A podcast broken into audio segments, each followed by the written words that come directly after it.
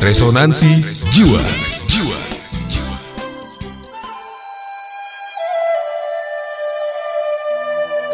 Pondasi pertama sebuah kesuksesan.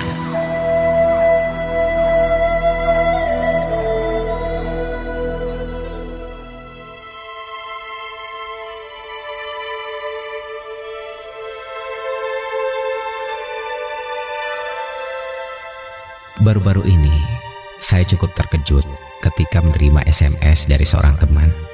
Sebut saja Linda. Ia bertanya, akankah jiwa orang yang meninggal karena bunuh diri akan hidup tenang, akan bahagia, dan akankah diterima di sisi Tuhan? Rasa penasaran saya lalu muncul. Kemudian saya membalas SMS-nya. Itu pertanyaan berat dan merupakan misteri ilahi. Yang pasti, Tuhan itu Maha Pengasih, dan hidup manusia adalah karunia cintanya.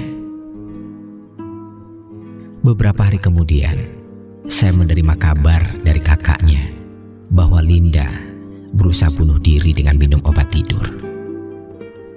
Saat itu, Linda masih terbaring di sebuah rumah sakit. Rupanya gadis yang dikenal energik ini mengalami frustasi setelah kehilangan seseorang yang dikasihinya. Ia kemudian merasa hidupnya hampa, sia-sia. Ia merasa hidupnya tidak lagi berguna. Peristiwa yang dialami Linda sekali lagi membuat saya harus merenungkan kembali makna hidup ini. Saya masih ingat persis saat hari-hari pertama kuliah di jurusan teknik kimia. Saat itu, sang dosen bertanya kepada mahasiswa, di mana letak laboratorium tercanggih di dunia. Ada yang menjawab Universitas X, Y, dan segala macam. Terhadap semua jawaban itu, sang dosen hanya menggeleng sambil tersenyum. Tapi akhirnya dia menjawab, laboratorium kimia tercanggih adalah tubuh manusia. Semua proses kimia berlangsung secara otomatis tanpa kita sadari.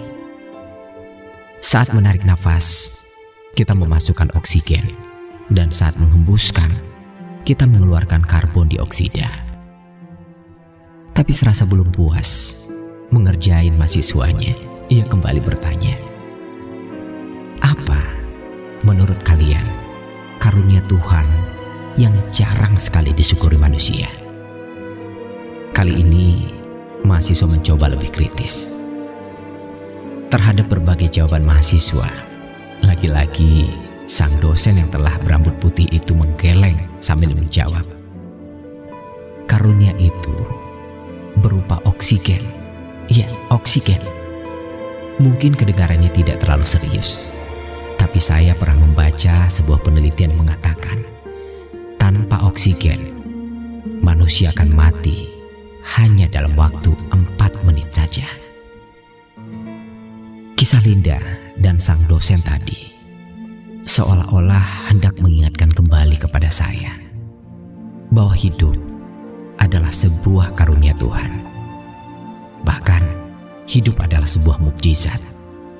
Ketika belajar tentang sistem reproduksi manusia, saya baru tahu kalau setiap kali mengalami ejakulasi, seorang laki-laki akan mengeluarkan 3 hingga 5 cc sperma.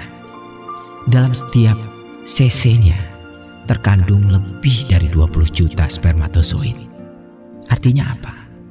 Dalam setiap kali ejakulasi, ada sekitar 100 juta spermatozoid yang berlomba-lomba untuk mencapai sel telur. Semuanya saling berkompetisi dan hanya satu pemenangnya. Itulah pengalaman yang pernah kita alami. Anda, saya, kita semua. Itulah salah satu tanda bahwa hidup manusia sangat berharga, sekaligus tanda bahwa Anda dan saya, bahwa kita semua dilahirkan untuk sukses. Inilah sukses yang pertama kali kita capai, yaitu ketika kita berhasil mengalahkan sekian puluh juta saudara-saudara spermatozoid yang lainnya.